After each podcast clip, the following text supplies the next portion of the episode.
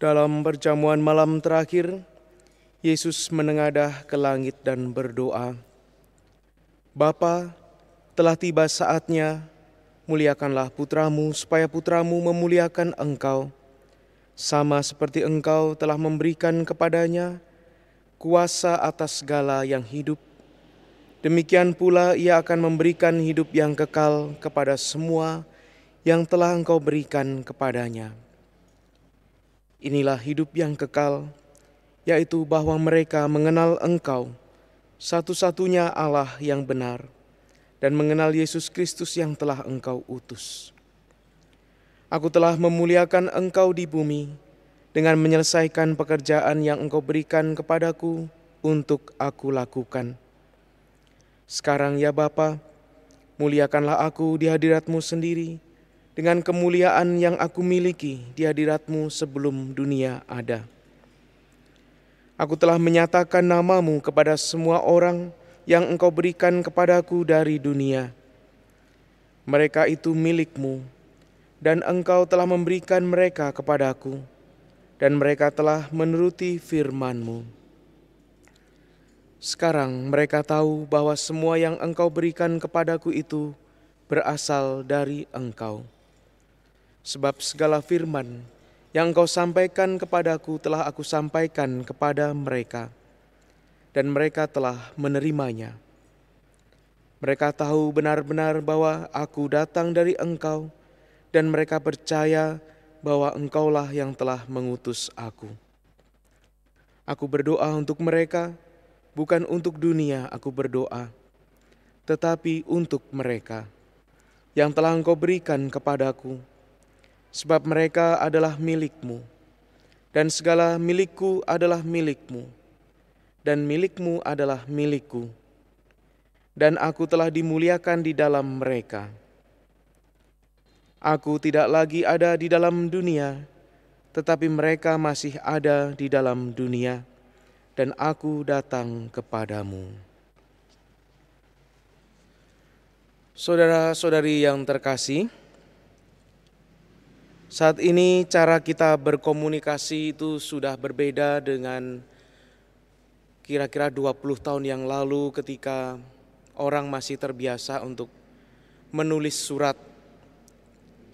Dengan menulis surat itu banyak hal bisa dituliskan dan yang membedakan antara komunikasi dengan surat dan dengan teknologi saat ini adalah dengan surat itu kita menulis kata, kalimat, alinea semuanya secara perlahan. Kita memikirkan betul apa yang akan kita tuliskan. Kalau salah kadang-kadang hanya dicoret atau kemudian kita menggunakan cairan apa namanya tip X semacam itu ya tapi kalau kita bandingkan sekarang ini, bermula dari SMS, kemudian WhatsApp, kemudian Telegram, atau ketika kita menulis caption di Instagram, di Facebook, atau membuat status di WhatsApp, semuanya kita tuliskan dengan amat cepat. Dan sering kali pula ketika menulis pesan di WhatsApp, banyak kata-kata yang salah, banyak kata-kata yang tidak dimengerti karena penuh dengan singkatan. Jadi, apa yang kita inginkan dengan sesuatu yang serba cepat itu belum tentu jelas. Seringkali bahkan menimbulkan kesalahpahaman, dan hal ini amat berbeda kalau kita melihat bagaimana pesan yang dulu kita sampaikan dengan surat itu, semuanya ditulis secara perlahan, tidak tergesa-gesa, dan maksudnya jelas. Saat ini, ketika kita sedang dilanda COVID-19, mau tidak mau, segala sesuatu harus dilakukan di rumah bekerja dari rumah, belajar dari rumah, berdoa juga di rumah. Segala macam aktivitas dimulai dari rumah.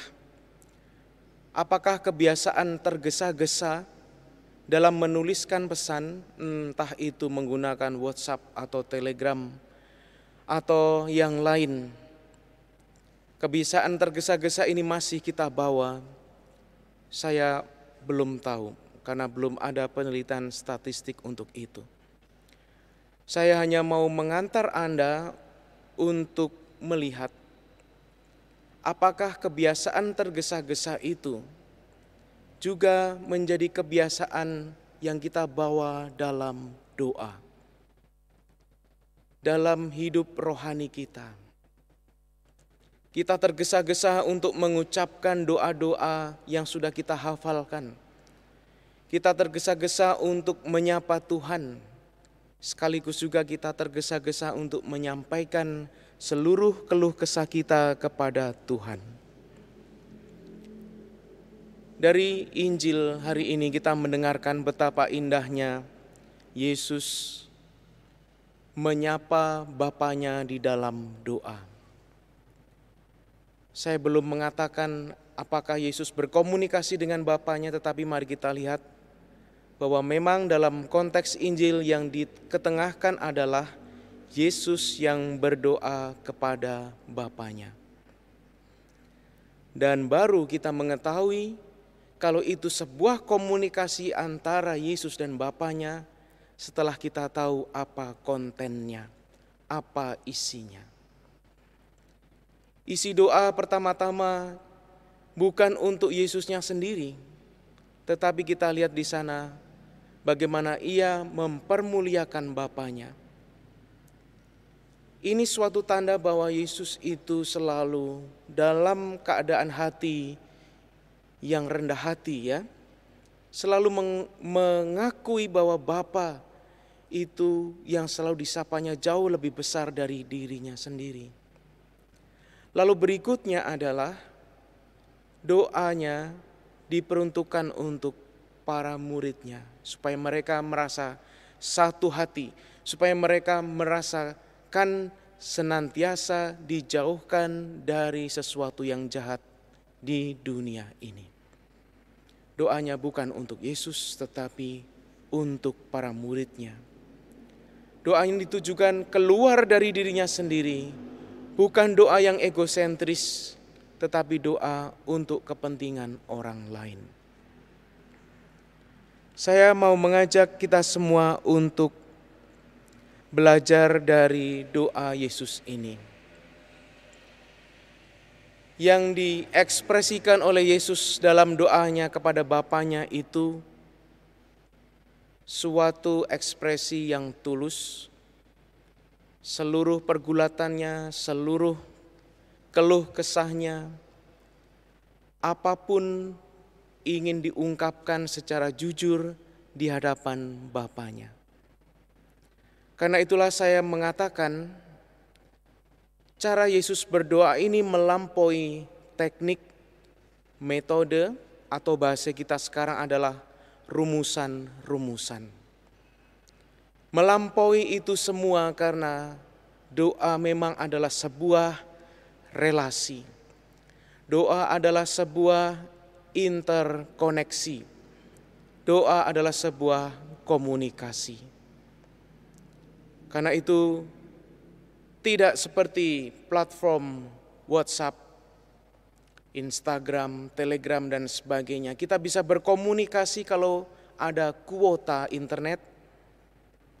Doa yang merupakan relasi, doa yang merupakan interkoneksitas, doa yang merupakan komunikasi tidak butuh kuota sama sekali.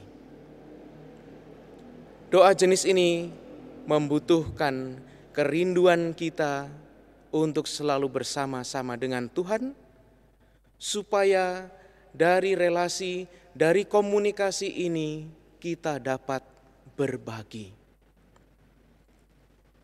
Betapa indahnya kalau kita sungguh membawa seluruh pergulatan kita seluruh pergumulan kita di dalam doa. Jadi Tidak ada lagi drama-drama yang tidak perlu di hadapan Allah. Kita hadir senyatanya sebagai pribadi yang Allah kasihi. Kita hadir sebagai ciptaan yang selalu membutuhkan agar Tuhan senantiasa memberikan kekuatan dan rahmatnya dan kita menghitungnya sebagai berkat setiap hari secara detil di dalam kehidupan kita. Saudara-saudari yang terkasih, inilah maknanya doa sebagai komunikasi. Setelah kita mampu membangun suatu relasi, hidup kita mengalami transformasi, dan dari transformasi itu kita mampu sharing, kita mampu berbagi dengan yang lain. Semoga bacaan-bacaan dan renungan-renungan kita hari ini sungguh menguatkan kita dan Tuhan memberkati kita semua. Amin.